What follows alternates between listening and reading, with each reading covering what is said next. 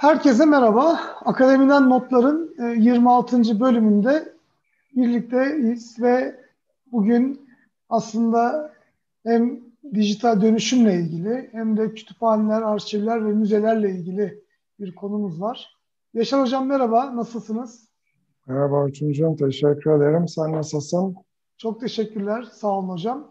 Ee, aslında biz daha önce de e, dijital bellekle ilgili, bunların korunmasıyla ilgili bazı bölümler gerçekleştirmiştik ama orada daha çok aslında korumayla ilgili olan e, tarafına belki değinmiştik.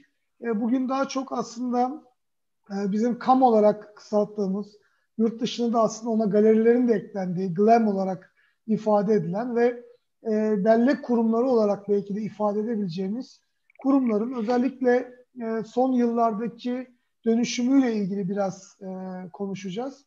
Ve belki de e, aslında önemli noktalardan biri de e, pandemi sürecinde bu dönüşüm belki hızlandı, belki çok daha farklı bir noktaya gitti.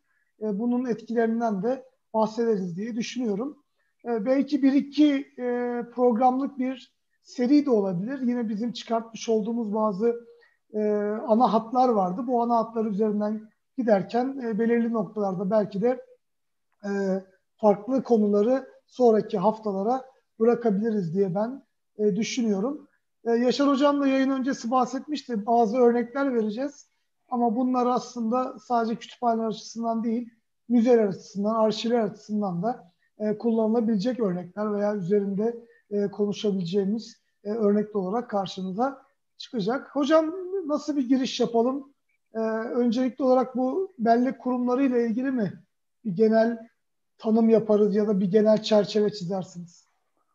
Ee, yani e, zaten senin de belirttiğin gibi hani e, bu o bellek kurumları deyince işin içerisinde kütüphaneler, e, arşivler, müzeler, galeriler giderek dijital nesnelerin değişmesiyle birlikte veri merkezleri vesaire de işin içerisine giriyor.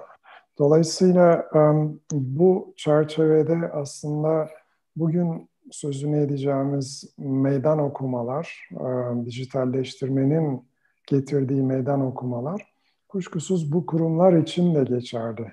Vereceğimiz örnekler belki daha çok hani e, kütüphaneler, arşivlerden vesaire olabilir ama e, teknolojik gelişmelerin yarattığı belki daha ayrıntılı konuşuruz yakınsama nedeniyle gerek e, e, bu o kütüphane e, pardon bu kurumların bellek kurumlarının bulundurduğu kaynaklar gerekse bu kaynaklara dayalı olarak geliştirdikleri hizmetler de yakınsıyor ister istemez. Öyle olunca da e, e, topyekün bir hani her şeyiyle dönüşüm gerçekleştirilmesi gerekiyor bir an önce. Bu da ister istemez e, aslında bir e, e stres yaratıyor. Yani kurumsal olarak bir stres e, yaratıyor.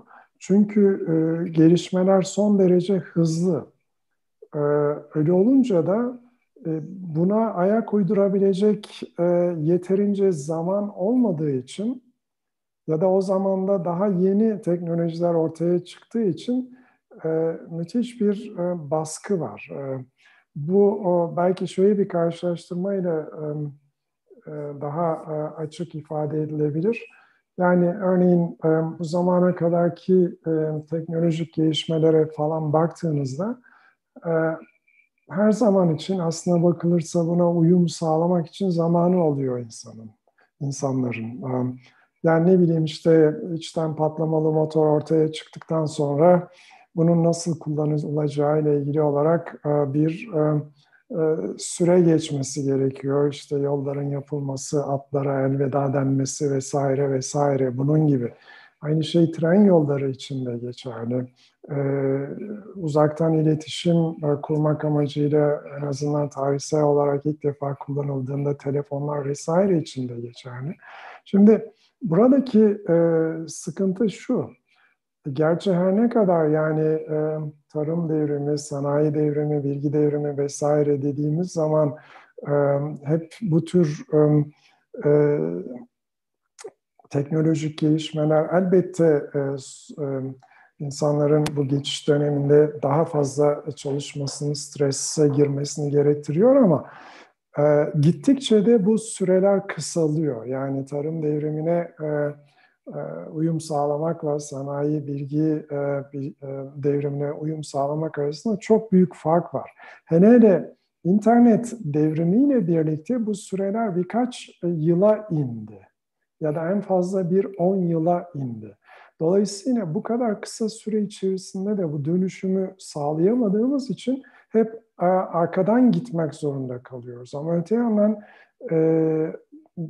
bireysel kullanıcılar kuşkusuz e, bu açıdan en son ne e, varsa onu istiyor bir bakıma. Yani nasıl ki daha önce bir yerden bir yere gidiş e, işte bir ay sürerken bir güne indiyse ona talep artıyorsa şu anda belli kurumlarında da kaynaklara ve hizmetlere baktığınızda işte kütüphaneye git oradan ödünç kitap al, fotokopici bul, kendi kopyanı yap vesaire hikayesi yerine çok daha kolay olan kuşkusuz uzaktan dijital kopyaya erişip onu istediği gibi manipüle edip kullanıp bu tür olanakların kendisine sunulmasını istiyor.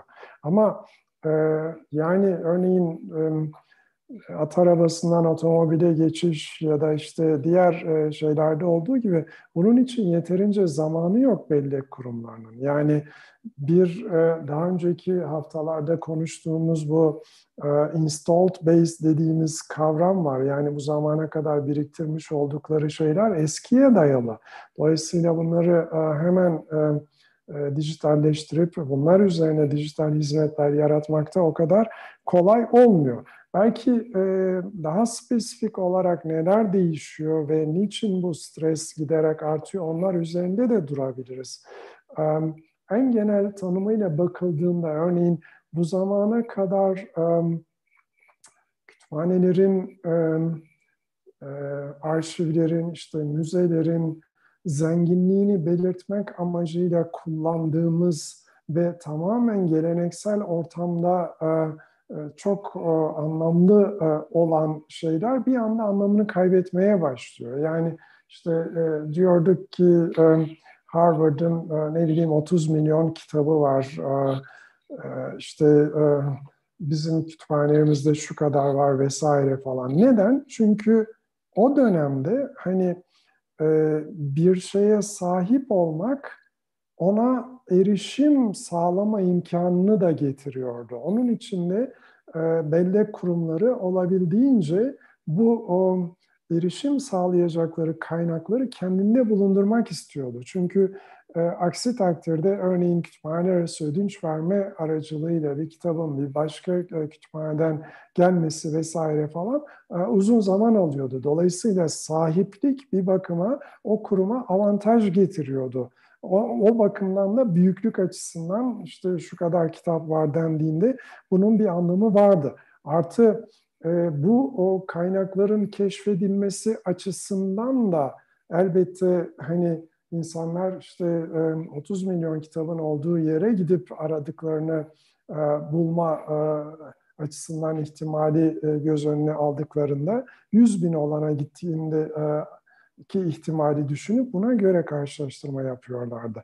Ama bu aşamada kuşkusuz e, dijital ortamda bulunmadığı için bu kaynaklar ister istemez kendi e, kütüphanesinde, kendi arşivinde ne varsa onunla sınırlıydı çoğu zaman. Yani istese de Harvard'ın koleksiyonuna vesaire e, erişemiyordu. Fakat dijitalleşmenin getirdiği en önemli şeylerden biri kuşkusuz tıpkı işte daha önceki devrimlerde olduğu gibi e, mekan ya da ne kadar şeye sahip olduğunuz giderek e, önemini kaybetmeye e, başladı. Hiç önemsiz demiyorum ama kullanıcıların davranışları da kuşkusuz buna göre değin, değişmeye başladı. Daha önceki programlardan birinde bahsetmiştik hatırlarsanız insanlar her şeyi online bulmaya, tam metin bulmaya o kadar alıştı ki bulamadığı zaman yok farz ediyorlar bunları.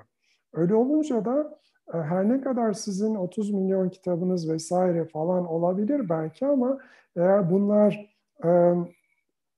internet aracılığıyla keşfedilebilir bir ortamda e, değilse, keşfedilemiyorsa o zaman yok sayılıyor. Dolayısıyla eski devirdeki işte kaynak keşfi e, tamamen kütüphanelerin katalogları aracılığıyla gerçekleşirken şu anda e, kaynak keşfi network düzeyine taşındı. Yani insanlar bir şey aradığında e, tek tek kütüphanelerin, arşivlerin, müzelerin e, kataloglarına gitmek yerine internette arama yapıyor, Google'da arama yapıyor. Hepimiz e, öyle arama yapıyoruz. Öyle olunca da e, ister istemez kaynak keşfinin buraya taşınmasıyla birlikte kütüphanelerin de kendi içinde olan malzemelerin neler olduğunu birincisi öncelikle bibliografik düzeyde e, internete taşımaları daha da önemlisi e, ne barındırıyorlarsa basılı koleksiyonlarında ve elektronik koleksiyonlarında bunların da tam metinlerinin e, network aracılığıyla, ağ aracılığıyla hem keşfedilebilir hem de erişilebilir olmalarını sağlıyor. E, sağlamaları gerekiyor. Elbette burada keşfedilebilirlikle erişim arasında kuşkusuz e, e, fark var. Keşfedilebilir, herkes açısından keşfedilmesinde yarar var kuşkusuz ama işte lisanslı kaynaklar vesaire telif hakları olduğunda da sadece kendi kullanıcıları için bunların gerçekleştirilmesi gündeme geliyor. Nitekim bu sancıları e, Google'ın e, Google Books projesi ya da Hefi Trust'ın vesaire e, gibi oluşumların ortaya çıkması da gösteriyor. Neden? Evet, çok zengin Amerika Birleşik Devletleri'ndeki bazı üniversite kütüphaneleri Google'la işbirliği yaparak milyonlarca kitabı basılı ortamdan dijital ortama aktarıyorlar ve e, bunların hem Google aracılığıyla keşfedilebilir olmasını sağlıyorlar hem de kendi kullanıcıları bunlar üzerinde bir arama yaptığı zaman da e, pürüzsüz bir şekilde işte bu kaynak Harvard'ın kütüphanesinden geliyor, bu Cornell'den geliyor gibi herhangi bir şeyle kafa patlatması gerekmeden son kullanıcıların bu kaynaklara erişebilmeleri mümkün oluyor. Hem bu aşamada e, dijitalleştirmeyi bedavaya getiriyorlar hem de kendi e, koleksiyonlarının daha görünür, daha fazla erişilir hale gelmesini sağlıyorlar.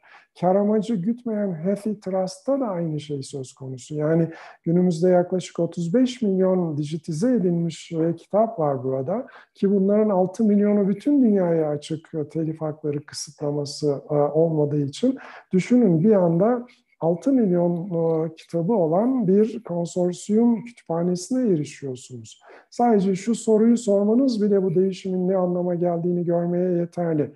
Şu anda toplasanız Türkiye'deki üniversite kütüphanelerindeki e, tekil kitap sayısı herhalde e, o kadar değil. Hatta ondan çok çok daha az.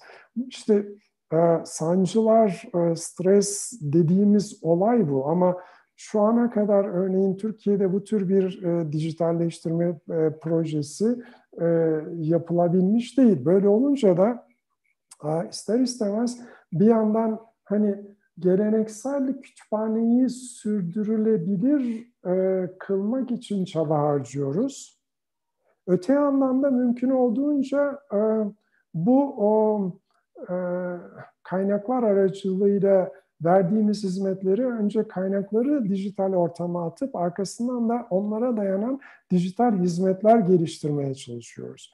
Bunda ne kadar e, gecikirsek o kadar aslında demode oluyoruz. Çünkü neden? Geleneksel e, olan e, e, kaynaklara ve hizmetlere e, ihtiyaç azalmaya başlıyor. Dediğim gibi yani kullanıcılar e, ne bileyim dijital olanı varsa basılısını işte o kadar meşakkate e, katlanıp da elde etmek için bununla uğraşmak istemiyorlar.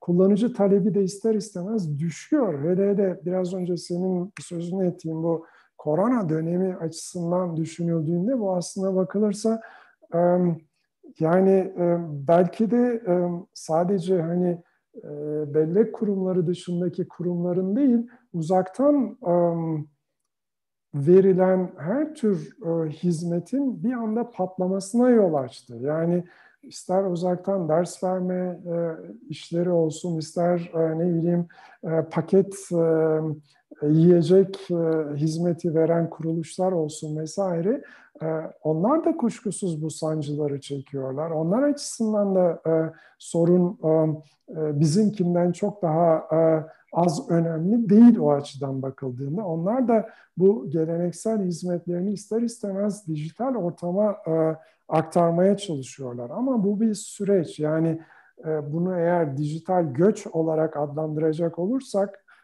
geleneksel olandan dijitale göç bir süreç ve bu süre e, girişte de bahsettiğim gibi giderek kısalıyor. Yani şu anda çektiğimiz sancıların büyük bir kısmı buna ayak uyduramamaktan kaynaklanıyor. Yani örneğin kataloglarımız Google aracılığıyla erişilebilir durumda mı? Kütüphane katalogları, arşiv e, fonları vesaire. E, bir kısmı evet ama e, büyük bir çoğunluğu değil. Onun ötesinde peki biraz önce sözünü ettiğim Google Books projesi ya da Happy Trust konsorsiyumu gibi konsorsiyumlar aracılığıyla basılı kaynakların içerikleri web aracılığıyla erişilebilir durumda mı? Hayır değil.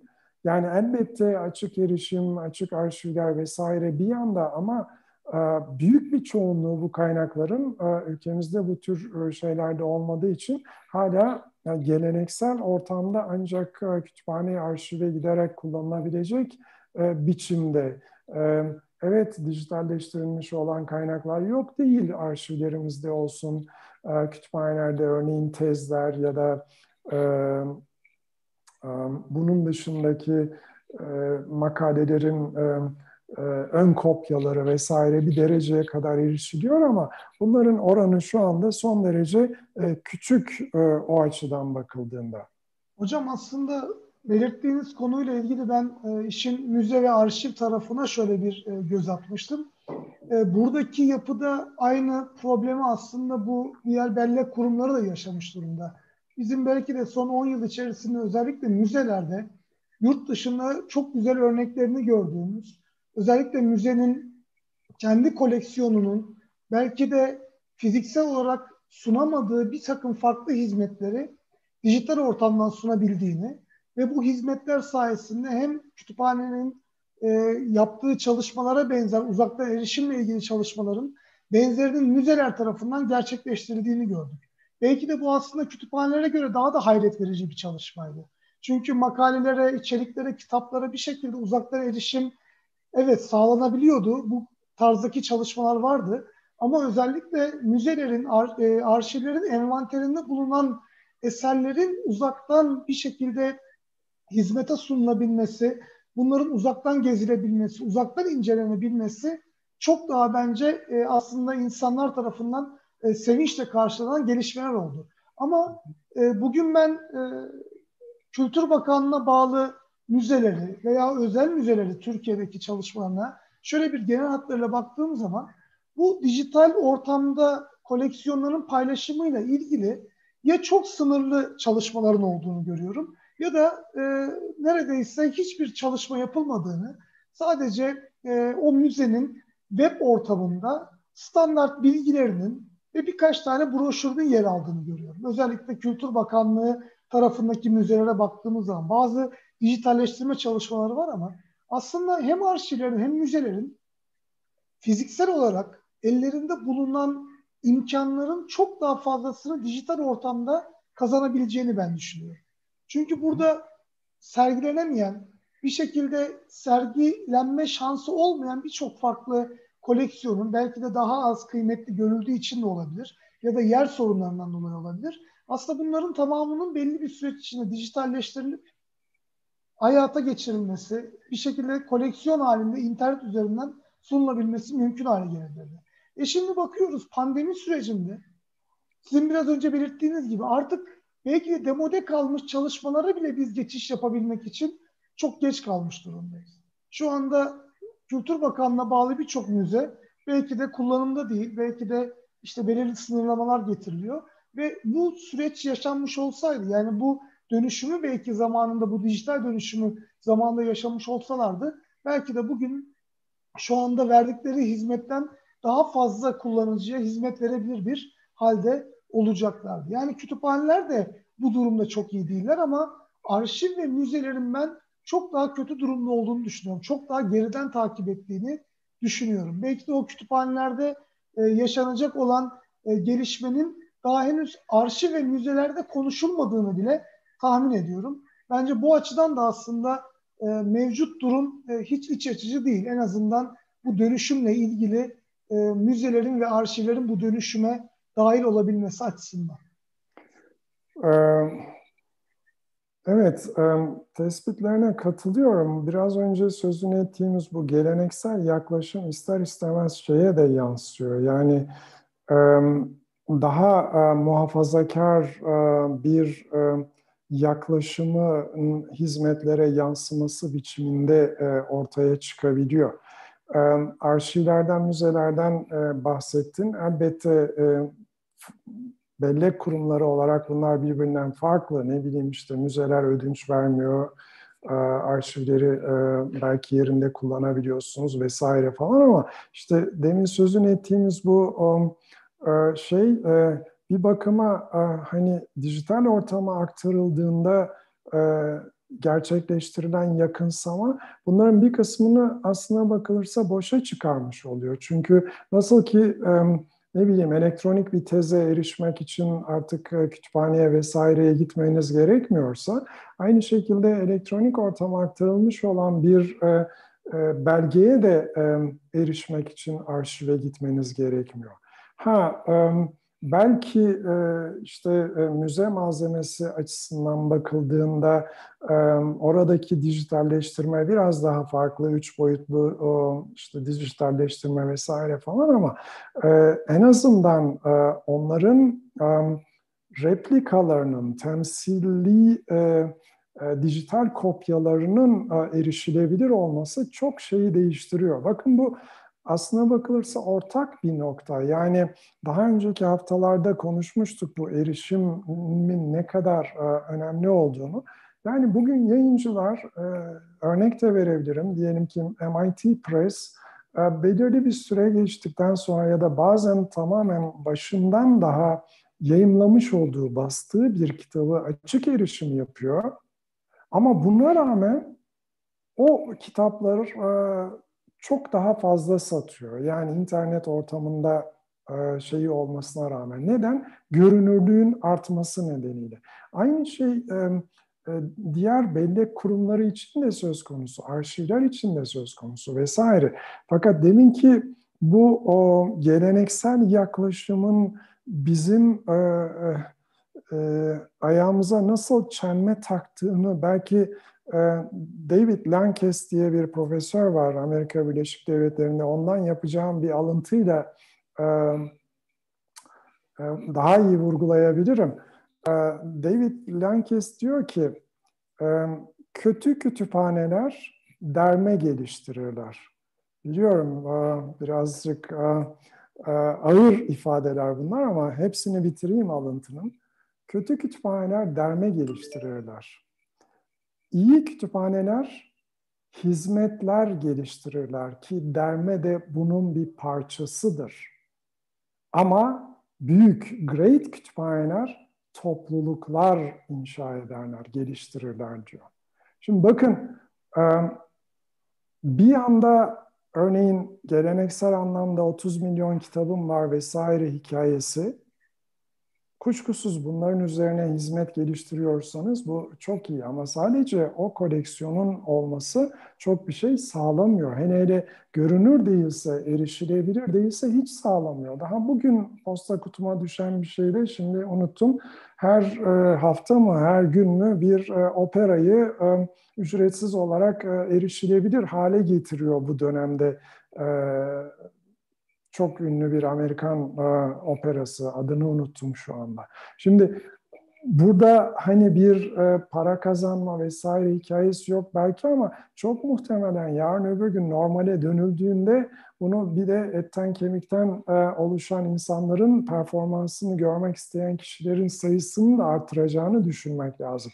Yani bir bakıma onlar da verdikleri hizmetlerin yanı sıra bir de bir e, community, bir topluluk geliştiriyorlar. Şimdi o açıdan bakıldığında sorulması gereken soru şu. bellek kurumları acaba o kadar önemseyerek geliştirdikleri koleksiyonlarla ilgili e, bunlar üzerine e, çeşitli e, hizmetleri inşa ederken bunların aynı zamanda o koleksiyon, o hizmetler çerçevesinde bir topluluk geliştirmesine de yardımcı olacağı yaklaşımıyla mı bu işe bakıyorlar? Yoksa daha geleneksel korumacı yaklaşımla mı? Benim en azından e, çok değişik yerlerde defalarca vurgulamaya çalıştığım gibi dijital ortama aktarılmış olan şeylere bile kolayca erişim sağlayamaması, sağlanamaması, işte e, annesinin kızlık soyadından tutun da bu o arşiv belgesini ne için kullanacağını ya da yazmayı ne için kullanacağını da yazmanı istemesine kadar bir sürü engel varsa ortada o zaman acaba bizim e, amacımız bu koleksiyonlar etrafında topluluk geliştirmek midir yoksa değil midir diye insan bir kuşkuya kapılıyor o açıdan. Hocam tam da bu noktada Meltem Özkan Hoca şöyle bir yorum yapmış çok doğru bellek kurumları misyonuna sahip çıkıp vizyonlu kullanıcı odaklı değişime tabi tuttuğunda dijitalleşmede çok sancı yaşanmayacaktır sanırım diye bir yorumda bulunmuş. Çok doğru. Yani burada misyonuna tabii sahip çıksın ama vizyonunu hakikaten kullanıcı odaklı bir hale dönüştürsün. Çünkü burada aslında kullanıcıyı merkez aldığı zaman belki de o hizmetleri geliştirmek zorunda kalacak. Yani dermenin büyüklüğünden çok hizmetlerin büyüklüğü belki orada ön plana çıkmaya başlayacak. E, bu şekilde bir vizyon değişikliğini e, sağlaması lazım ama bu herhalde kolay olmuyor. Yani bu vizyona sahip olabilmek için araştırmak, iyi örnekleri görmek, e, bunlarla ilgili çalışmaların belki uluslararası operasyonların içinde yer almak gerekiyor. Elbette. Şimdi e, yani e, talep e, olabilmesi için de neyin mümkün olduğunu kullanıcıların görmesi gerekiyor neyin mümkün olduğunu kullanıcılar sadece e, kütüphanelerin onlara sunduklarına bakarak artık değerlendirmiyorlar. İstersen e, bu dönüşümle ilgili e, slaytı koyup sadece son kullanıcılar açısından değil de bir de aynı zamanda kütüphanelerin, arşivlerin, müzelerin kendi içinde bu dönüşümü gerçekleştirmek için yapması gereken e, ev ödevleri nelerdir? Bunlar ne tür stresler, sancılar yaratıyor? Belki bunlar üzerinde de konuşmak lazım. Yani e, olay sadece son kullanıcının istemesi e, değil kuşkusuz. Bu biraz önce değindiğim e, yapı yani sahip olunan dermeler üzerinde e, kullanıcıların talep edebileceği şeyler çoğu zaman yer bağımlı, zaman bağımlı, e, işte 9-5 arası çalışıyorsun vesaire falan. Ama çok kısa bir sürede bakın bu tür e, hizmetler, bu tür kaynakları olan e, e, talep giderek düşüyor. Çünkü artık e, bellek kurumları e, tek e, durak değil. Yani bilgi edinme hizmetleri açısından, bilgi kaynaklarına erişme açısından. Dolayısıyla e, bir yandan bu talep düşerken öte yandan dijital hizmetlere olan e, talep giderek artıyor. Yani o koleksiyonlar etrafında dijital hizmetler yaratamadıysanız o zaman e, topluluk oluşturma şansını da e, aslında kaybetmeye başlıyorsunuz. Onun için artık ilk durak olmaktan çıkıyor bu tür yerler eğer e, e, ev ödevlerini çok iyi bir şekilde yapmazlarsa. Peki nedir bu ev ödevi dediğimiz şeyler? Yani daha önceki haftalarda da konuştuk aslında bunların bir kısmını. Görüne, görünür, görünürlüğü sağlayabilme olayı, kaynaklarla, içerikle vesaireyle ilgili. Değil mi? Artı sadece görünürlüğü sağlamak değil, bu hizmetleri kullanıcıların bulunduğu ortamlara da taşıyabilmek. Örneğin Google'ı aldığınız zaman diyelim ki çalışması sırasında arama yapan bir vatandaş işte bakıyor ki ne bileyim belirli bir kitap bölümünün bir kopyası var. Google Books şu kadarına izin veriyor, o kadarını belki görüyor. Ama öte yandan eğer Google'la ki bu mümkün, kütüphane arasında bir bağlantı sağlandı ve kütüphane o kitabın lisansına sahipse o zaman olduğu yerden o lisansın kimin tarafından sağ, sağlandığını da sorgulamaya gerek duymadan çünkü zaten söylüyor işte buna erişiminiz ne bileyim ekol tarafından sağlanmıştır vesaire falan diye işini görebiliyor.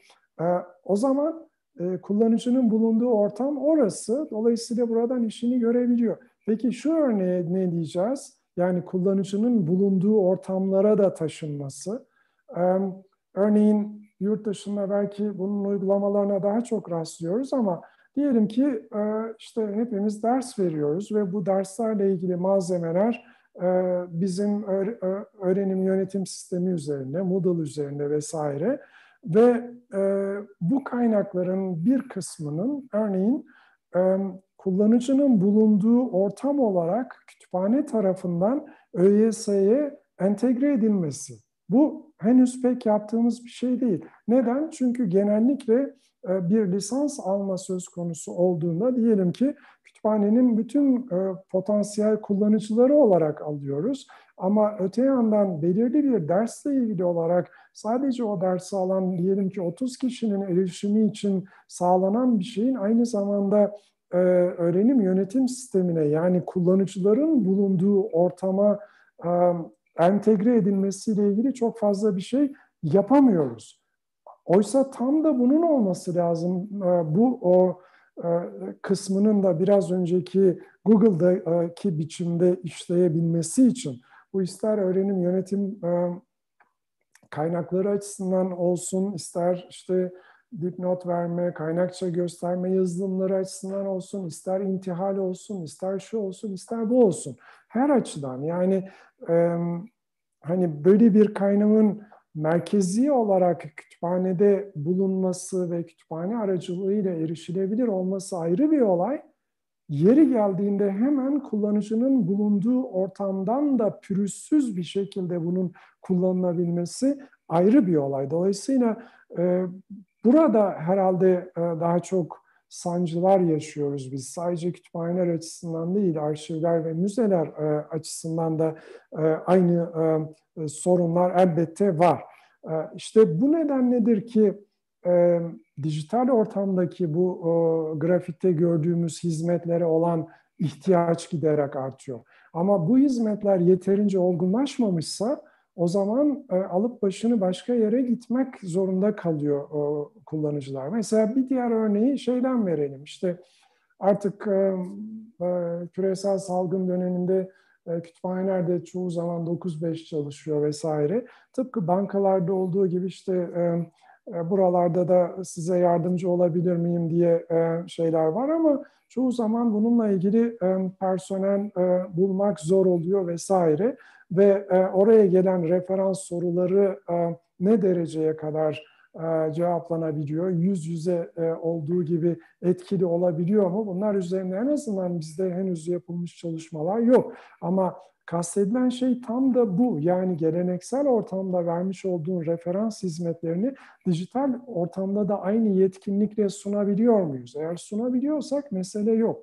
Aksi takdirde kullanıcılar gelip e, referans masasında kuyruk oluşturmuyorlar ve bundan sonra belki de hiç e, o kadar uzun kuyruklarda görmeyeceğiz o açıdan bakıldığında. Şimdi organizasyonel açıdan aslında bunlar kolay işler değil. Yani ne bileyim sadece kaynakların dijital ortama aktarılması ile ilgili değil, aynı zamanda bellek kurumlarının ilişkide bulunduğu kurumlarla ilişkilerini de e, gözden geçirmeleri ve ona göre e, e, bir dönüşüm sağlamaları gerekiyor. Örneğin eğitim konusunda, örneğin yayıncılarla ilişkiler konusunda, örneğin e, proje odaklı olarak bilgi profesyonellerinin e, araştırma verileri daha üretilirken bunları yakalayıp e, düzenlemek için bir şekilde personel ayırması gibi. Aynı şekilde teknik hizmetler dediğimiz şeyler e, artık bizde de e, taşeron dediğimiz kurumlar tarafından yapılmaya başlanıyor. Bulut hizmeti veren çok yaygın değil bu tür şeyler Türkiye'de henüz ama en azından depolama amacıyla bundan yararlanılmaya başlandı yavaş yavaş. Oysa yurt dışına baktığınızda kataloglama, ödünç verme, online katalog vesaire hizmetleri de o siyasi ve benzeri kurumlar aracılığıyla pekala buluta taşınmış durumda. Dolayısıyla da organizasyonel açıdan eskiden işte Anglo-Amerikan'a göre kataloglamaya zamanının şu kadarını harcıyorsa bir kütüphane artık bunu harcamak zorunda değil o kadar fazla. Neden? Çünkü üst veri dediğimiz şeyi çok değişik kaynaklardan çok daha ucuza bu tür üçüncü parti şirketlerden sağlamaya başlıyoruz. Ama biz diretirsek işte ben ille de orijinal kataloglama vesaire yapacağım diye o zaman şu o kısımdaki dijital hizmetlerden ödün vererek bunu yapmış oluyoruz. Dolayısıyla da e, bu o denge üzerinde de e, durulması gerekiyor. Aynı şey binalar açısından da yurt dışındaki birçok kütüphanede artık basılı koleksiyonlara olan e, ihtiyacın giderek azalması nedeniyle onlar e, gene ulaşılabilir, erişilebilir olan depolara kaldırılıp o, o alanlar daha değişik amaçlarla kullanılıyor. Buna Digital Commons, e, dijital ortak alan deniliyor. İşte insanların bir kısmı kendi um, videolarını çekiyor sessiz odada, bir kısmı Makerspace ile ilgili işler yapıyor vesaire. Yani söylemek istediğim bütün bu o değişiklikler dönüşüm sürecindeki biraz önce sözünü ettiğim streslere, sancılara yol açıyor. Olmamış gibi, bunlar yokmuş gibi davrandığınızda o zaman bu sancılar daha da aslına bakılırsa şiddetli hale gelmeye başlıyor. Çünkü ister istemez bununla birlikte e, sizin değerlendirilmeniz için gerekli olan kriterler de değişmeye başlıyor. Artık e, kütüphaneye gelen kişi sayısına göre e, bütçeniz belirlenmiyor örneğin. Ama onun ötesinde başka performans ölçütleri ortaya çıkıyor. İşte sizin verdiğiniz hizmetlerin örneğin kullanıcılarınızın bilimsel araştırma yetkinliklerini ne kadar arttırdığı, öğrencilerin öğrenimlerindeki başarı düzeylerini ne kadar arttırdığı gibi daha önce pek sorgulamadığımız bir takım ölçütler gündeme gelmeye başlıyor. O açıdan bakıldığında da sanıyorum ki bu o dönüşümü er ya da geç bir şekilde e, yaşamamız gerektiği e, farkındalığıyla hareket etmemiz lazım. Çünkü bu haliyle geleneksel bellek kurumları sürdürülebilir değil. Ama e, grafiğin sağ tarafındaki e, duruma da henüz hazır değiliz. Yani çok hızlı gelişmesi nedeniyle e, bu o değişikliklerin hazır değiliz. E, bazen 15-20 yıl bu işler için yeterli e, olmayabiliyor. Hele hele bizim gibi ülkelerde farkına vardığımızda zaten o sürenin yarısını kaybetmiş olabiliyoruz. Hocam bu bahsettiğiniz konuyla ilgili aslında bizim halen yürütmeye devam ettiğimiz İtiself adlı bir projemiz vardı. Serap Kurbanoğlu hocanın da içinde yer aldığı, Yurda Gül e, hocamızın da içinde yer aldığı. Bu e, proje kapsamında biz birkaç farklı ülkede e, en sonunda bu yılın başlarında henüz pandemi başlamadan yaptığımız bir seyahatte sizin de belirttiğiniz gibi kütüphanedeki koleksiyondan çok kütüphane içerisinde gerçekleştirilebilecek etkinliklerle ilgili alanların çok daha fazla yer kapladığını görüyoruz. Neredeyse böyle hani kitaplarla ilgili koleksiyonun hani parmakla gösterilecek kadar az olduğunu e, ama bunun haricinde farklı etkinlikler ve farklı temalardaki çalışmaları alanlarının çok fazla e, devreye girdiğini görüyoruz ve işte yemek alanlarından tutun da diğer bu çalışmalarla ilgili e, birçok farklı aslında laboratuvar bile diyebileceğimiz yapıların o bina içerisinde yer aldığını görüyoruz. Yani burada fiziksel olarak da bir yeniden yapılanma durumu söz konusu ama bununla beraber bu çalışmayı dijital alanda da desteklediklerini görüyoruz. Yani verdikleri hizmet aslında binasıyla beraber, hizmetiyle beraber bir kolektif çalışmanın ürünü oluyor. Ve bence şu da çok üzücü. Yani bizim Milli Kütüphane özelinde uzun yıllar boyunca atıl kalan bir e, noktamız oldu ve Türkiye bence bu anlamda da önemli getirilere sahip olabilirdi. Milli Kütüphane'nin e, bayraktarlığında belki çok farklı çalışmalar olabilirdi. Çünkü yurt dışında ben hangi ülkeye gidersek gidelim, siz de bunu gözlemlemişsinizdir.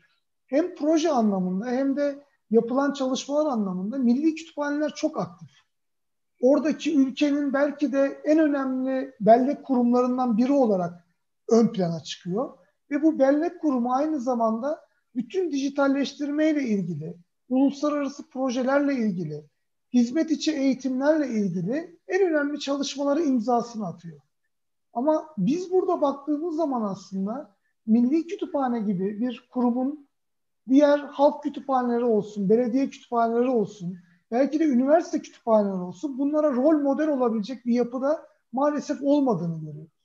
Yani burada belki Millet Kütüphanesi bu anlamda bir çalışma içinde olabilir denecektir. Ama burada aslında milli kütüphane yapısı sağlıklı çalışsaydı belki Millet Kütüphanesi ile birlikte paralel bir yapı olabilirdi. Bu arada ben biraz önce baktım hocam.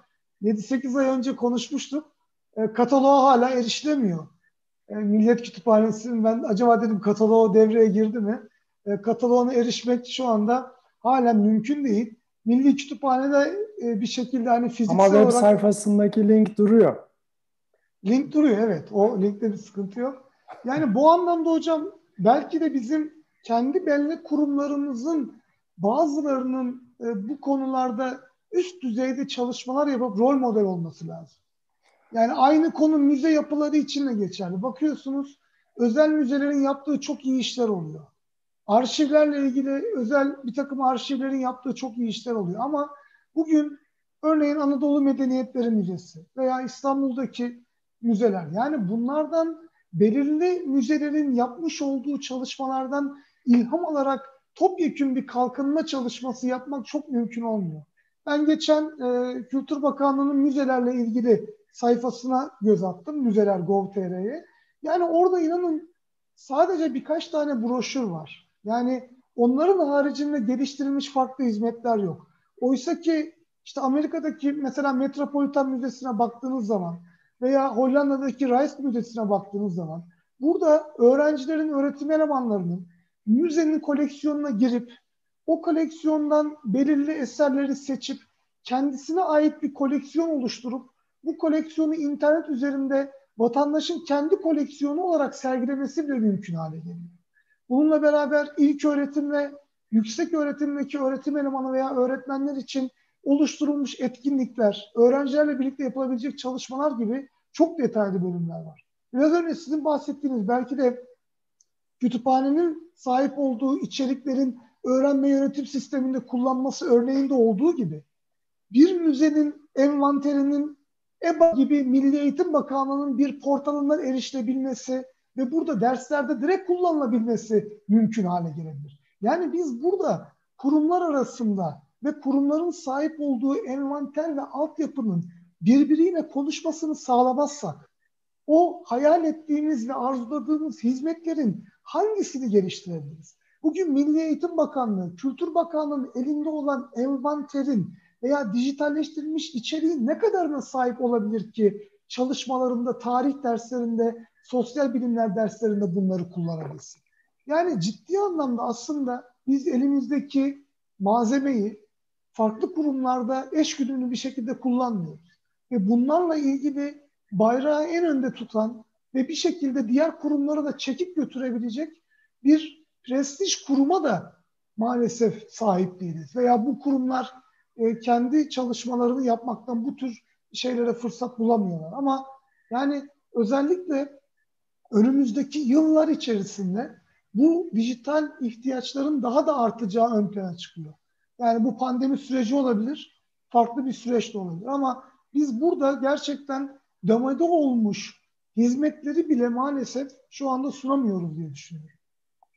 Evet işte yani bu dönüşüm sürecinin sancılı olduğunu defalarca e, söyledik bu konuşmalar içerisinde. Kolay değil, onun farkındayım. Ama bazı şeyler içinde çaba sarf etmek gerekiyor. Bu sadece elbette bellek kurumları, yöneticilerinin vesaire elinde olan bir şey değil. Buna da katılıyorum. Fakat öte yandan elinde olanların yapılamamış olması sanıyorum ki bizi e, birazcık heyecanlandırıyor burada. Yani e, nedir e, belirli bir kütüphane kataloğunun XML formatına dönüştürülüp e, e, diyelim ki e, taranabilir hale getirilmesi Google aracılığıyla çok büyük bir şey değil. Bana göre değil en azından. Ya ama e, bu niyete miyiz? Yani e, o, o hani eğer öyle bir şey yapmak gibi bir e, e, şeyiniz varsa, yaklaşımınız varsa bu zamana kadar elbette e, en azından hani sanal güzergah olarak kütüphanelerinizin kataloglarının en azından web aracılığıyla erişilebilir hale getirilmesi e, çok kolay e, olurdu diye düşünüyorum. Bunun ötesine gitmek gerekiyor. Bakın e, sadece onların elinde değil derken bunun e, yaratabileceği bazı şeylere de değinmekte yarar var. Çünkü demin de söylediğim gibi hani bu ekosistem içerisinde yayıncılar var, e, işte ne bileyim e, diğer e, araştırmacılar var vesaire. Örneğin yayıncıları düşünün. Diyelim ki bu yayıncılar da aynı şekilde bu dönüşümden etkileniyorlar ve örneğin bizim demin gösterdiğimiz dijital hizmetlerin kullanıcıların bulunduğu ortamda başlayıp onların bulunduğu ortamda tamamlanabilmesini engelleyen bir takım koşullar da koyabiliyorlar örneğin.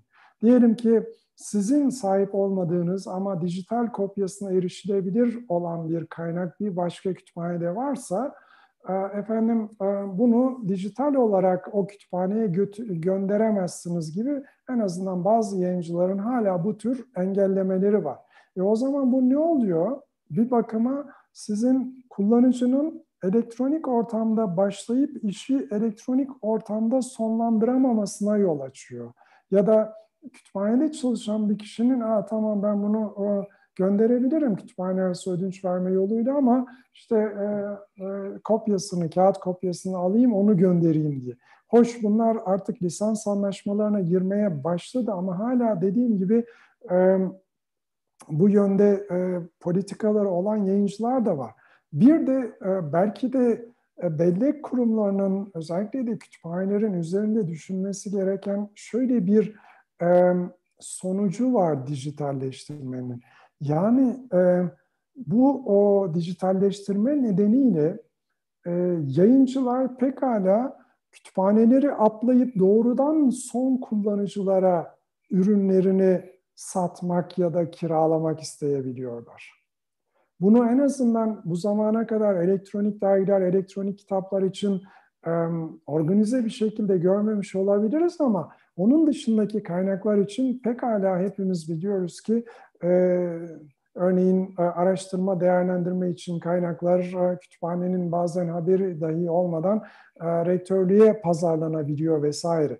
Ha denilecektir ki e, aynı şey kütüphaneler açısından da söz konusu değil mi? Kütüphaneler de yayıncıları e, atlayarak bu o hizmetleri sağlamak isteyebilirler. İşte e, ne bileyim e, kendi yayınını kendin yap, e, açık erişim, e, açık bilim, e, açık veri uygulamaları ile ilgili altyapıları kur. Dolayısıyla da kendi içinde yapılmış olan araştırmaları böyle bir aracılığa gerek kalmadan bu hizmetleri ver diye.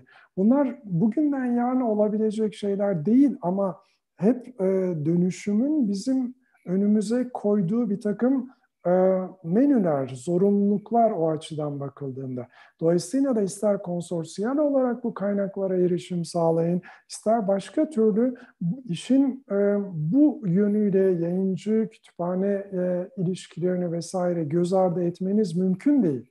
Hoş bu zamana kadar bu altyapıyla ilgili olarak daha çok ne bileyim işte Avrupa Birliği çapında vesaire bir takım şeyler yapılıyor ama öte yandan 300 küsur yıldan beri devam eden yayıncıların katma değerleriyle ilgili bir oluşum üniversitelerde henüz yok o açıdan bakıldığında.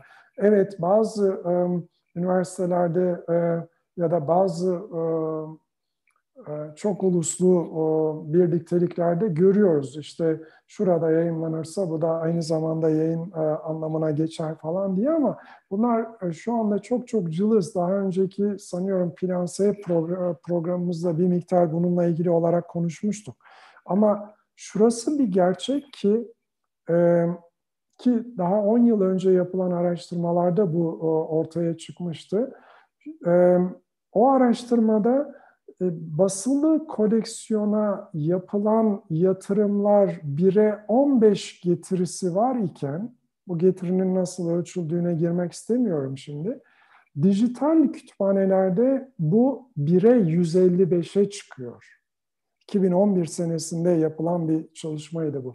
Yani dijitale yatırımın e, getirisine baktığınızda 10 kat daha fazla getirisi var ki dediğim gibi bu araştırmanın yapılmasından bu yana 9 sene geçti. Ee, o 9 sene içerisinde durum çok daha değişmiş durumda. Artı bunlara dayalı olarak kullanıcıların üretecekleri katma değer, kullanıcıların geliştirecekleri işte yenilikler, buluşlar vesaire de belki de ölçülmesi o kadar kolay olmayan şeyler ama aynı yatırımın getirmesi, getirisi, return on investment açısından bunlar da e, konuşulmak zorunda. Bunu yapmadığınız zaman, yakınsamayı göz ardı ettiğiniz zaman o zaman e, bu o dijitalin getirisinden de yararlanamamış oluyorsunuz. Başkaları yararlanırken siz yararlanamamış oluyorsunuz. Bunu derken sakın ha şu anlaşılmasın. E, ne yapalım e, basılı koleksiyonları sokağa mı atalım? Hayır değil öyle bir şey yok. Eğer e, korumayla, gelecek kuşaklara aktarmayla ilgili yükümlülüğünüz varsa elbette bunu yapacaksınız. E, kütüphaneler bunu yapmıyor ama ne yapıyor? E, uzak depolardan 24 saat içerisinde gerektiğinde bu o kaynakların orijinalini de getirebilecek bir yapı sunuyor ve buralarda işte tıpkı şu anda Amazon.com'da gördüğümüz yapılar gibi robotik bir takım e, şeyler e, gidip e, raftan insansız bir şekilde kitabı alıyor, getiriyor bir şekilde sizin bulunduğunuz yere ve kullanıp geri veriyorsunuz. Oradan boşalan alanlar ise biraz önce senin sözünü ettiğin gibi başka amaçlarla kullanılmaya başlanıyor. Dolayısıyla da bu ya o ya bu o biçiminde değil. Bizim burada sözünü ettiğimiz şey dijital hizmetlere ve onlar etrafında geliştirilmiş olan, inşa edilmiş olan bir topluluğa, bir cemaate e, referans vermek amacıyla e, bunları söylüyorum. Yani David Lankes'in demin sözünü ettiğim e, cümlesine dayanarak.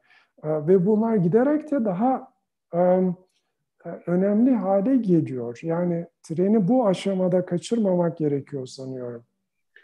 Hocam çok doğru. Buradaki yapı içerisinde aslında tüm kurumların belki de genel olarak verdikleri hizmetleri gözden geçirmesi gerekiyor. Ama diğer alanlara baktığımız zaman, diğer disiplinlere baktığımız zaman e, bu çalışmaların belki de daha hızlı hayata geçtiğini görüyoruz. Yani finans sektörüyle ilgili olsun, diğer konular olsun belki de Türkiye bu konulardaki en hızlı dijitalleşmeyi yaşayan ülkelerden biri oluyor. Demek ki altyapıyla ilgili yani bu anlamda teknolojik altyapıyla ilgili bir sıkıntı yok ama orada vizyonla ilgili bir e, belki de sıkıntı e, söz konusu diye düşünüyorum. Bir de tabii burada bellek kurumlarının ellerindeki koleksiyonun e, dijital olarak erişilebilir hale getirme konusunda da çok istekli davranmadığını ben gözlemliyorum. Belki önümüzdeki haftalarda bunlara da değinebiliriz. Yani kamu malı haline dönüşmüş, üzerinde herhangi bir telif hakkı olmayan eserlerin hayata geçirilmesi, bunların erişebilir hale getirilmesine de bir takım sıkıntılar olduğunu görüyoruz. Ee, özellikle bu yurt dışında Open Glen dediğimiz kavram içerisinde hani bu eserlerin, bu içeriklerin açık hale getirilmesi konusunda da çok önemli çalışmalar var. Ama biz uzun yıllar boyu e, bunu aslında son yıllarda da tekrar ettiğimiz halde e, çok bir başarıya erişmiyoruz. Daha önce e, UNESCO e, milli e, koleksiyonla ilgili bu kültür varlıklarıyla ilgili çalışmalarda da bahsetmiştik. Yani onların erişimi de vardı.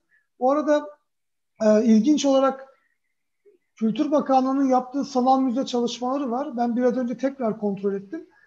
sanal müze gov.tr üzerinden erişilebiliyor ama Kültür Bakanlığı'nın sitesinden ve müze gov.tr'den hiçbir bağlantı verilmemiş. Şimdi siz biraz önce söylediniz ya hani belirli bir hizmet geliştiriliyor. Bu hizmet dışında yani ilgili kurumun haberi olmadan bile belki pazarlanabiliyor şeklinde. Büyük ihtimalle e, dışarıya outsource edilen bu hizmetler e, kurumun kendi içerisindeki kanallarda da yeteri kadar belki de tanınmıyor, bilinmiyor veya işte bunların bağlantısı e, yeteri kadar gerçekleştirilmiyor diye düşünüyorum. Ciddi anlamda burada da belki de sıkıntı var. Bu farkındalığın oluşturulması, bu paylaşımın sağlanmasıyla ilgili olarak. Kültür Bakanlığı sitesine girip müze ve öğren yerlerini görüp o müze ve öğren yerinin sanal bağlantısına link vermezseniz müzeyle ilgili müzenin kendi resmi sayfasında bu müzenin sanalını da gezebilirsiniz demezseniz o yapılan hizmetin ne anlamı kalıyor bir yandan da? Doğru. Yani um, buraya kadar konuştuklarımız daha çok uh, aslına bakılırsa geriye dönük geleneksel ortamdaki uh, bilgi kaynaklarıyla neler yapılması, nasıl dönüştürülmesiyle ilgili. Ama e, unutmayın ki sonuçta giderek e, basılı koleksiyona olan e, e, talep azalıyor. Neden? Çünkü işte elektronik kitaplar yayınlanıyor, dergiler yayınlanıyor vesaire. Örgütsel açıdan bakıldığında belki bellek kurumlarını daha da fazla e, zorlayacak e, olan ise bundan sonrası için zaten dijital ortamda yaratılan e, ürünleri, eserleri vesaire e, toplayıp bunları e, düzenleyerek bunlar üzerinde e, dijital hizmetler inşa etmek çok daha aslına bakılırsa kritik e, hale gelecek. Bir örnek vermek gerekirse örneğin araştırma verileri açısından bakıldığında e, şöyle söyleyeyim önce. Yani bu zamana kadar e, belli kurumları genellikle artık işi bitmiş son ürünü olarak e, bir şekilde ortaya çıkmış olan e, bilgi kaynaklarını topluyor ve bunları düzenliyorlardı. Yine koruma Oysa, aslında burada ön evet, planda. Evet. evet. Oysa şu anda elini çabuk tutup o bu o veriler yaratıldığı anda bunları yakalaması ve düzenlemesi gerekiyor. Onun için de eski örgütlenme işte kataloglama birimi vesaire falan filan yerine proje bazında e, bunu o, duymuşsunuzdur iliştirilmiş kütüphaneci ya da bilgi profesyoneli kavramı tıpkı bir zamanlar Körfez Savaşı sırasında iliştirilmiş gazeteci hikayesi vardı ya. Ne yapıyor peki? Diyelim ki 3 yıllık bir proje söz konusuysa kütüphane e, o projeye daha başından o proje sırasında üretilecek olan verilerin değerlenmesi, kürasyonu için vesaire yakalanması için bir görevli e, atıyor ve e, o grupla birlikte o proje bitene kadar çalışıyor. Oradan üretilmiş olan veriler de e, bu sefer kütüphane koleksiyonunun bir parçası haline geliyor. Neden? Çünkü böyle davranmadığınız anda o verilere artık hiçbir şekilde erişemez oluyorsunuz. Çünkü araştırmayı yapan kişiler kendi sorumluluğu olarak görmüyor haklı olarak bunun gelecek kuşaklara aktarılması vesaire. Dolayısıyla da daha önceki haftalarda da söz ettik. Hani açık verinin öneminden, araştırma verimsinin öneminden vesaire. Şimdi bu aşamada en profesyonel e, e, grup olarak e, bellek kurumlarında çalışanlar bu o misyonu üzerlerine almayacaksa kim alacak? Ama unutmayın ki yani e, bunlar üzerine inşa edilecek olan hizmetler diğerlerinden daha çok aranır hale gelecek. Çünkü o verileri farklı şekillerde kullanıp başka araştırmalar yapmak işin içerisine girecek vesaire. Dolayısıyla bu iliştirilmiş bilgi profesyoneli vesaire belki de önümüzdeki yıllarda bizim de gündemimize gelecek. Bunu hani şeyle karıştırmayalım fakülte kütüphanecisi vesaire gibi yapılarla. Kuşkusuz o kişiler de bu tür e, e, işlevler görebilirler yeri geldiğinde ama bu daha granüler, daha çözünürlüğü yüksek olan bir şey proje bazında iliştirme olayı. Fakülte bazında iliştirmeden. Gördüğün gibi bunlar hep e, aslına bakılırsa sancıları arttıran şeyler. Yani ama ancak bunların e, gereğini yaparsak biz son kullanıcıyı e, memnun edebilir. Onların istediği ortamlarda onların istediği bilgi hizmetlerini sağlayabilir hale geliriz. Aksi takdirde çok zor. Yani demin dediğim gibi hani o zaman belki de bu hizmetleri veren başka kurumlar sizin işlevlerinizi yerine getirmeye başlayınca öne çıkmaya başlayabilirler. Bu ister yayıncı olsun, ister başka üçüncü parti e, kuruluşlar olsun. Hocam aslında şu anda da benzer bir yapı yok mu? Ben e, kütüphane kataloglarına baktığım zaman e, bir aslında harici hizmete direkt yönlendiğini görüyorum. Bir tek kütüphanenin bir logosu kalıyor aslında. Bütün arama davranışlarıyla ilgili olan çalışmalar e, üçüncü parti bir başka bulut üzerinde e, aslında bu arama çalışmaları gerçekleşiyor sizin de belirttiğiniz gibi belli bir süre sonra e, bu çalışmalar e, üniversite kütüphaneleri veya diğer araştırma kurumlarının haricinde de bu hizmetleri verebilir hale gelebilir ve zaten hani fiziksel olarak çok fazla tercih edilmeyen bir yapı belki artık dijital olarak da mı tercih edilmeme noktasına gelebilir.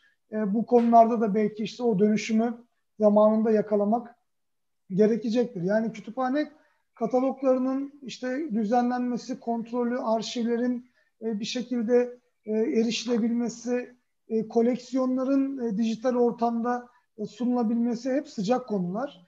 Bunlarla ilgili hep konuşuyoruz. Ben yine yaklaşık belki bir iki ay önce ya da bu yılın belki de ortalarında tekrardan gündeme gelmişti ama hala sağlıklı bir envanter yapısını yine bu e, kültürel e, mirasla ilgili, kültürel varlıklarla ilgili göremiyoruz. Ne somut olarak görebiliyoruz ne de somut olmayan kültürel mirasla ilgili görüyoruz. Basit listeler, e, detayına inmemiş çalışmalar var. Ama buradaki kurumların belki de ilk etapta yapması gereken çalışmalar sizin de belirttiğiniz gibi belki personellerinin bir kısmını bu konularda daha uzmanlaşabilecekleri konularda görevlendirmeleri ve aslında eskiden beri devam eden geleneksel hizmetlerini daha belki de otomasyona bırakıp e, güçlerini, kuvvetlerini bu konularda harcamaları daha uygun olacaktır belki de. Evet tabii bütün bu söylediklerimizden sonra e, kuşkusuz şöyle denilebilir. Ya işte elimizdeki olanaklar bu kadar, evet. personelimiz bu kadar, bütçemiz bu kadar vesaire vesaire.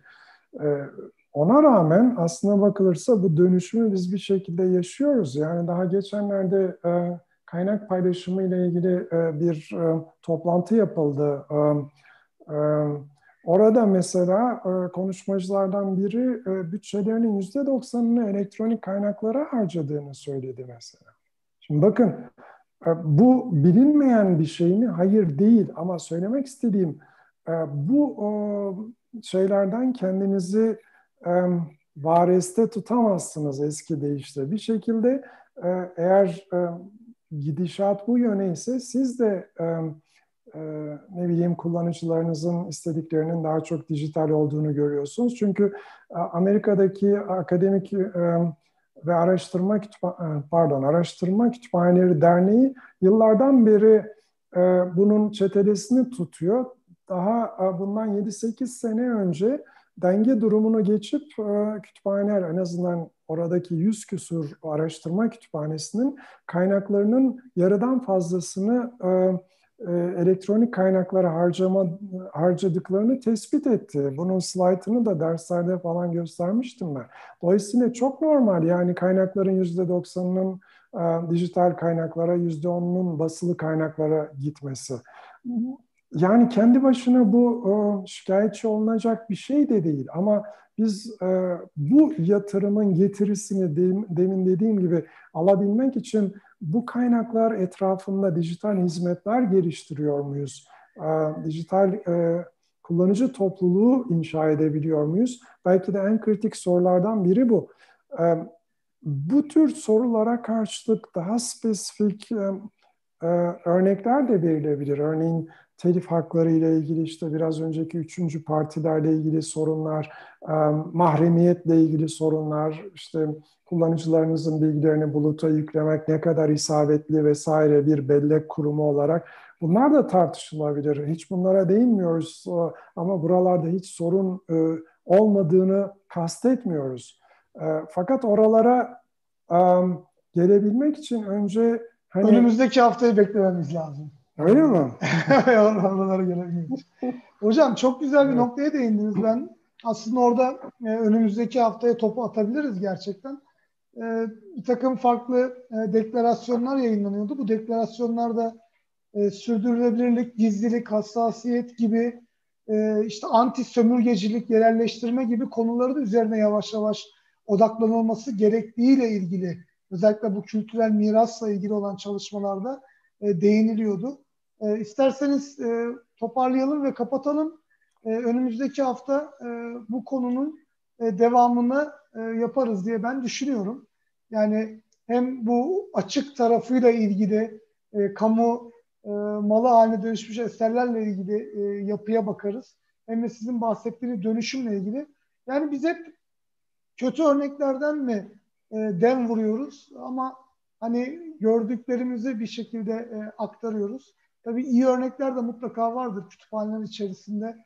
E, bu çalışmaları çok iyi takip eden e, kütüphanelerin, müzelerin olduğunu da mutlaka biliyoruz. Onların da haklarını yemeyelim. Ama biz yani bu yavaş ilerleyişten biraz şikayetçi oluyoruz diye düşünüyorum hocam. Size de hep gelen bir eleştiridir bu herhalde. Yani e, kötü örnekleri söyleyip veya pesimist gözükmek. Ama birazcık insan herhalde e, bu konularda bir gelişme olsun diye daha çok bu örnekleri dile getiriyor. Yani e, hiç değinmediğimiz konular da var tabii. E, ne bileyim bu o, sadece dijital değil aynı zamanda akıllı bilgi kaynakları bize nasıl bir e, manzara sunuyor örneğin bellek kurumlarındaki. Belki bunlar üzerinde de konuşabiliriz ya da evet. bahsettik ama çok fazla üzerinde durmadık. Bu yakınsama olayının kütüphanelerin, arşivlerin, müzelerin tek bir elden e, yönetilmelerine kadar e, gitmesi yeni bir olay değil. Yani literatüre baktığınızda e, 10-15 sene eskiye giden bu tür e, yazılar görebilirsiniz pekala. Ama dijitalleşmeyle birlikte e, kuşkusuz çok daha e, şekil değiştirdi e, yakınsamanın e, bellek kurumlarının organizasyonu üzerindeki etkileri. Belki bunları da e, konuşabiliriz biraz önce sözünü ettiğimiz e, şeyler bağlamında. E, işte e, mahremiyet vesaire falan filan. Hatta gerekirse bunlarla ilgili e, ayrıca bir e, e program da düzenlenebilir. Biraz düşünelim e, haftaya kadar üzerinde. Bugün burada daha fazla uzatmamak için ben kesiyorum. Teşekkür Hocam, ediyorum. Çok teşekkürler gerçekten bellek kurumlarının üzerindeki etkilerine bir giriş yapmış olduk. Ben çok önemsiyorum konuyu. E, Türkiye gibi zengin bir ülke bu anlamda aslında bir e, dünyaya karşı da bir sorumluluğu var. E, bu sorumluluğu yerine getirebilmesi için de bu dönüşümü en iyi şekilde gerçekleştirebilmesini arzu ediyoruz. Değerli yorumlarını aktaran dinleyicilerimize, izleyicilerimize de çok teşekkürler. Aydın kendimi ikinci bir master programında Hatta doktora programında gibi hissediyorum demiş Aydın İleri. Çok teşekkür ediyoruz. Ee, bu e, güzel sözlerinden dolayı. Ee, yine diğer e, yorumlarıyla bize destek olanlara da e, çok teşekkür ediyoruz. Hocam önümüzdeki hafta e, aynı gün ve saatte 27. programla e, tekrardan bir arada olmak dileğiyle ediyorum. Çok teşekkürler. Sağ olun. Ben teşekkür ederim. İyi akşamlar herkese. Hoşça